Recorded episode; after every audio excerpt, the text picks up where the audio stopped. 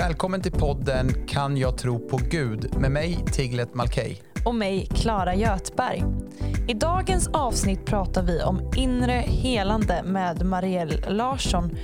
Hon gick från att känna tung ångest till att idag känna sann lycka och glädje. Marielle bor i Arvika, arbetar med alkohol och eh, drogförebyggande frågor för LP-verksamheten.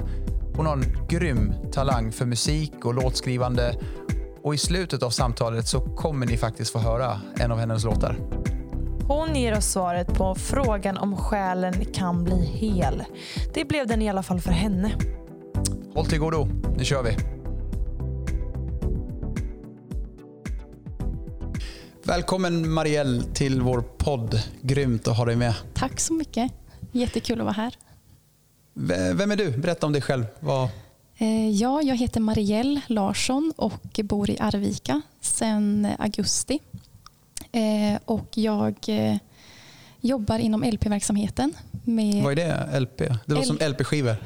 ja, LP-verksamheten är i stort beroendevård på kristen grund. Okej. Men väldigt mycket mer än så också. Så att jag håller på med ett förebyggande arbete mot psykisk ohälsa och alkohol och droger mot ungdomar. All right. jag, jag fick för mig att du är lite av en musiker också, men det Ja, kanske är en extra grej du gör. Ja, jag sjunger också mycket och leder det. lovsång i församlingen och sådär. Mhm. Mm. Okej. Spännande. Mm. Och Det här med LP, det, det gör ju du för att du har ju själv varit eh, i mycket skit verkligen Mm. och behövt gå igenom mycket. Kan du inte berätta lite?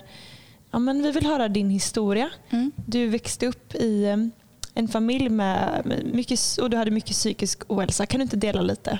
Ja, jag är uppväxt med min mamma eh, och min syster. Och jag, alltså redan som barn så mådde jag jätte, jättedåligt psykiskt. Eh, jag eh, kände mig inte älskad. Jag tyckte att livet var fruktansvärt och kunde inte förstå vad jag liksom gjorde här på jorden.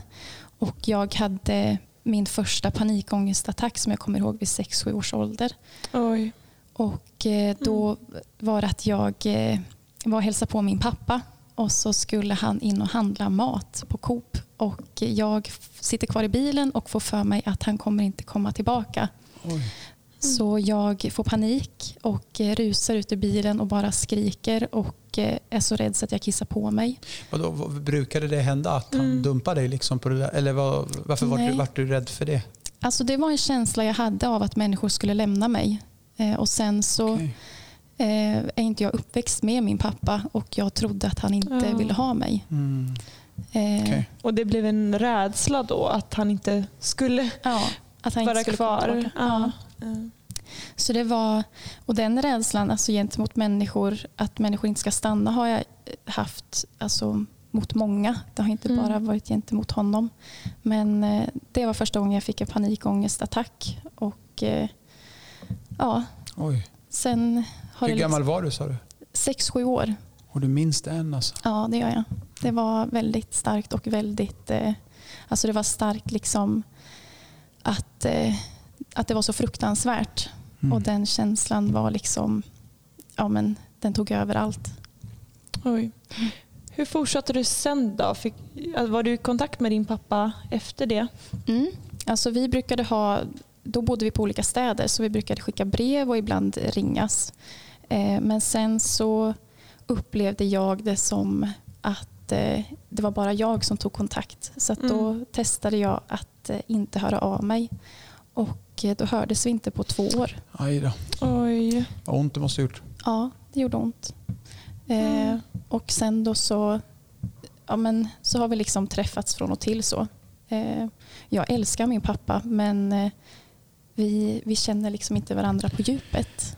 Alltså det du säger nu, det är så typiskt. Mm. Just en dålig relation med ens pappa. Mm. Vad, vilka men Mm. det ger. Ja. Ja. Vad hände sen då? Vad, vad, Ja men sen så liksom mitt, mitt mående det var ju liksom att jag mådde dåligt. Eh, och sen när jag var 15 så blev jag gravid oj. och gjorde en abort. Mm. Och det vart jätte, jättejobbigt för mig eh, att hantera för att jag upplevde att sjukvården inte... Jag skulle till exempel ha ett kuratorsamtal innan det här. Och Mm. eh, Den här kvinnan hon mötte upp mig i hissen och så sa hon så här, är det du som är Marielle? Eh, och sa jag ja. Och så sa hon, jag har inte tid just nu för jag ska på möte. Och då var det som att det här att, att jag litade inte på människor, då var det som ett slag till att aha, inte ens hon har tid för mig Oj, inför oj, det här. Just det, och du kände dig förkastad Ja. såklart. Ja, Så det blir grej på grej. Ja. Mm. Ja, det blev det. Och sen då så blev det att jag efter aborten så slutade jag liksom prata om mitt mående. Mm. För att eh, jag ville liksom inte öppna på det locket. Mm. Ehm, För att det gjorde för ont. ja, gjorde Vad hade du för stöd då? Alltså var du helt själv i sjukhuset när du gick för att... Nej, alltså första, första dagen som jag var där då för att liksom barnet ska dö eh, så var min mamma med. Ehm, och eh, hon, var, hon var med också när det liksom skulle ut ur min kropp. Hjälp. Har det varit jobbigt efteråt? Ja, jag tyckte att det var jättejobbigt efteråt. Eh, och eh, som sagt, min mamma hon har varit med och stöttat mig och, eh, alltså hela tiden. Mm. Och även det här när jag liksom slutar prata så har hon kämpat och kämpat för att få mig att prata. Ehm, och jag är otroligt tacksam till henne. Hon har hjälpt mig otroligt mycket Mm. genom Mm. livet. Ja, det vi vet ju, vi står ju med facit i hand idag och vet att, att det finns ett skifte. Ja. Vad var det som hände? Vad är det som gör att du kan stå fri idag ifrån mycket av den här psykiska ohälsan? Ja, men det som hände var att efter studenten så ville jag läsa musik ett helt år och bara ha fokus på musiken. Och då hittade jag eh, en rockmusikerutbildning på Dalkarså folkhögskola utanför Umeå. eh, och eh, åkte på audition på den och eh, så kom jag in Mhm. och så fick jag, jag visste som att den tillhörde pingstförsamlingar. Eh, och eh, jag tänkte så här, men det, det spelar ingen roll utan jag vill ju ha musiken. Eh, och eh, det För, som, du, för du var inte kyrklig alls? Liksom. Nej, Ingen, nej, Ingen, ingenting sånt? Nej. nej. Kyrkan det har liksom varit skolavslutningar och sådär. Det har Ja. inte varit någonting nej mer. okej. Eh, men då så kom jag dit och jag hade en kompis, eller jag lärde känna en tjej där i klassen som var kristen. Och så var det någon kväll när jag var jätte, jätteledsen över någonting. Och så sa hon att eh, Marielle, jag vet inte vad jag ska säga eller göra, men får jag be för dig? Mm. Och då tänkte jag liksom att ja, men hon kommer gå till sitt rum och be när hon Ja. ska, innan hon ska sova. Just Så jag bara, ja, men det kan du få göra. Mhm. Men hon ställde sig och bad för mig direkt. Oj. Hur kändes det? Först så jag, upp, för att jag tittar som runt omkring, är det någon som ser mig? Det är sant. Men Hade det hänt någon gång innan? nej, nej, nej, aldrig. Eh, och eh, jag, eh, nej men jag, grejen var att jag slutade gråta och liksom kunde gå till mitt rum och sova gott. Efter den bönen? Okej. Ja, Mm. eh, Intressant. men Kopplade sen, du det då? Att det kanske var någonting i det? Nej, det Nej. kopplade jag inte. Eh, men sen så gick det några månader och jag gick med i en cellgrupp. Jag gick på morgonandakter. Eh, för jag tyck- Berätta vad en cell- cellgrupp är för de som inte har koll på det. Eh, en cellgrupp är liksom ja, men, människor som samlas i en mindre grupp att kunna diskutera ett bibelord eller prata om livet och Mhm. funderingar så där som man kan ha. Ja, just det. Så var det. Mm. där Som en bibelgrupp eller någonting? Ja, Ja. Mm. okej. så hade vi på skolan då. Och, eh, det, alltså det gick några månader när jag följde med på det här. Och, ehm, det, liksom, det bara rullade på men jag, jag, jag kände ändå inte att jag eh, liksom var överbevisad på att Jesus liksom var Guds son och Mhm. att jag kunde tro. Trodde du på Gud när du växte upp? Jag, alltså, ibland skulle jag väl säga. När det var jobbigt? Eller kanske när det, när det var lite bättre? För jag kan tänka mig Ja, att det är svårt. eh, Många säger att Gud är som ett sjukhus. Liksom. Man går dit när man behöver ja, det. Liksom. ja, ja, men, Mm. ja. Ja, förlåt, vi avbryter dig. Det är för spännande det här. Mm. Fortsätt. Nej, men sen då så var det en man som skulle komma och ha en kvällsandakt på skolan. Eh, och eh, jag hade bestämt mig för att gå på det här och först så skulle jag vara i, i skolans eh, disk och hjälpa till. Och så kommer den här mannen och så säger han, han frågar efter internet. Eh, och då säger att nej men det finns inte för gäster sådär. Och så säger han att men visst har vi träffats förut. Jag bara nej, vi har aldrig träffats. Och så, han var alltså verkligen så stensäker på att vi hade träffats och Mhm. försökte hitta liksom att ah, men det kanske var här eller här. Och sen nej, vi har inte träffats. Eh, Mm. och sen då så gick jag på hans kvällsandakt och eh, när jag skulle gå därifrån efter att det var klart så springer han och tar tag i min arm och så säger han nu vet jag vart jag har sett dig för jag har drömt om dig. Oj, oj, oj. Okej. Eh, och då, Oj, hur kändes det? alltså, jag tyckte att det var jätte, jättekonstigt. Ja. Eh, och jag berättade det för mina kristna vänner då och de tyckte att det här var jätte, jättestort. Och jag tyckte mest att det bara lät konstigt. ja. Mhm. Och eh, kunde liksom inte se De blev det var- alldeles glada. Bara, han har drömt om henne. Längtar säkert efter att du ska verkligen börja tro. Ja, Gjorde de nog. ja, Va, vad var det han hade drömt? ja alltså vi träffades ju då några dagar senare. Och vi satt och pratade i kanske tre, fyra timmar. Oj. Och eh, det, det som var den stora grejen för mig var att han hade sett mig springa runt i cirklar och ropa på hjälp. Mm. Och jag eh, kom direkt på att tänka på en händelse när jag sprang runt i en anhörigs lägenhet och som jag var orolig för att den här personen drack mycket och tog tabletter och sådär. Och jag eh, sprang runt i den här lägenheten för den kunde man springa runt i cirklar, alltså från rum till rum. Mm. Och jag, då kom jag ihåg att jag ropade verkligen på hjälp. Att kan någon bara hjälpa mig? Kan Mm. någon höra mig? Så det han hade drömt var det som tidigare skett Ja, i ditt precis. liv? Och sen så sa han så många gånger att Oj, eh, häftigt. Gud, ja, men sen så sa han att, att det är jätteviktigt att du får höra att du är älskad. Eh, och han sa det hur många gånger som helst att Gud älskar dig. Och jag hade ju liksom känt mig så oälskad så att det där var ord som bara som jag liksom bara sög åt mig som en svamp. Eh, Mm. och eh, sen så blev han, eh, blev han min mentor. För den dagen så, så tog jag mitt beslut att liksom tro. Wow. M- Man kan säga att det var då du förstod att Gud ser ju mig Ja, faktiskt. ja, Tänkte du tanken, här kanske är en lite svår fråga. Tänkte du tanken, vart var Gud då när allt det där eländiga hände? Liksom? eh, jag har nog faktiskt aldrig tänkt så. Eh, utan att den, liksom, den friden som jag fick och den glädjen tog över allting. Wow, Mm, vad intressant. ja. Vad, eh, så du, det, efter den grejen, han berättade drömmen. Du kände dig sedd av Gud. Mm, Du insåg att det måste vara något. Du gick klart utbildningen. mm. Bosatte dig i Umeå eller? Nej, sen efter det så läste jag till behandlingspedagog Okej. i Linköping.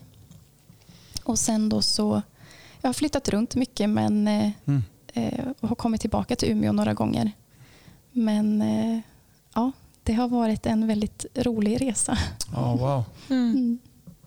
Mm. Eh, men det var ju alltså ganska kämpigt i början också för att eftersom att jag hade varit så ledsen och känt mig så oälskad i så många år så Mm. var det, det var så mycket nytt och eh, Jag tänker också det så här, det är ju, man växer upp i en, om man säger kultur, mm, eh, av, jag vet inte vad man har för familjeförhållanden. Och så liksom blir det helt annorlunda. mm.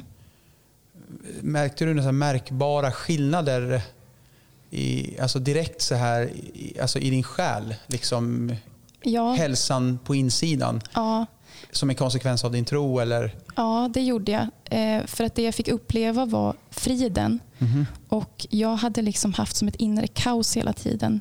Att vissa människor kanske tyckte att det såg ut som att jag mådde bra men på insidan var det liksom helt trasigt. Okej. Eh, och eh, när jag fick den här friden då och sen glädjen. Eh, särskilt det här med glädjen hade jag jättesvårt för när jag liksom insåg att jag hade gått en hel dag och jag hade varit glad hela dagen. Då var det som att jag direkt tänkte, men vad ska hända nu? Vad ska hända för att jag ska bli ledsen igen? Eh, och det här har liksom ja, men varit en process att lära, alltså, lära sig att hantera nya känslor nästan. Mm. Eh, och idag kan jag liksom bara säga att jag är en glad människa. Wow. Alltså det, det är så jag känner dig, skulle Mm. jag säga. Du är alltid glad, positiv.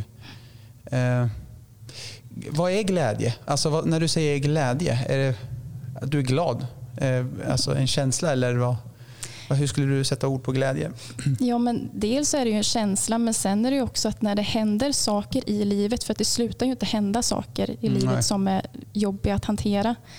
Eh, men att försök, alltså jag försöker se saker med, med ögon av att vad kan jag lära mig av det här? Mm. Eh, vad kan jag ta med mig som liksom en erfarenhet och att försöka se positivt på saker. Mm. Ehm, och det, det är ju inte alltid lätt att göra det. Eh, och Sen är det klart att man måste tillåta sig att vara ledsen också. Men att, Mm. att den här sorgsna känslan ska liksom inte få dra mig ifrån glädjen till Gud.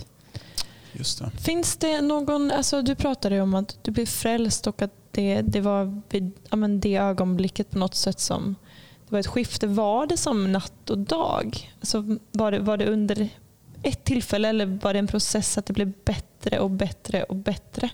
Hur skulle du förklara Alltså, det? det, dels så var det verkligen att det hände någonting just den dagen när jag tog beslutet. Eh, Men sen har det varit en, en process också. Som med att, ja men att jag hade jättesvårt att lita på människor. Eh, Mm. Och det har blivit otroligt mycket bättre. Mm. eh, Att kunna lita på människor. Och det har ju varit en process i sig. Ja, det är klart. Eh, Vad har men- gjort att du kan börja lita på människor igen? Har människor visat sig vara trovärdiga eller har Gud helat det som varit?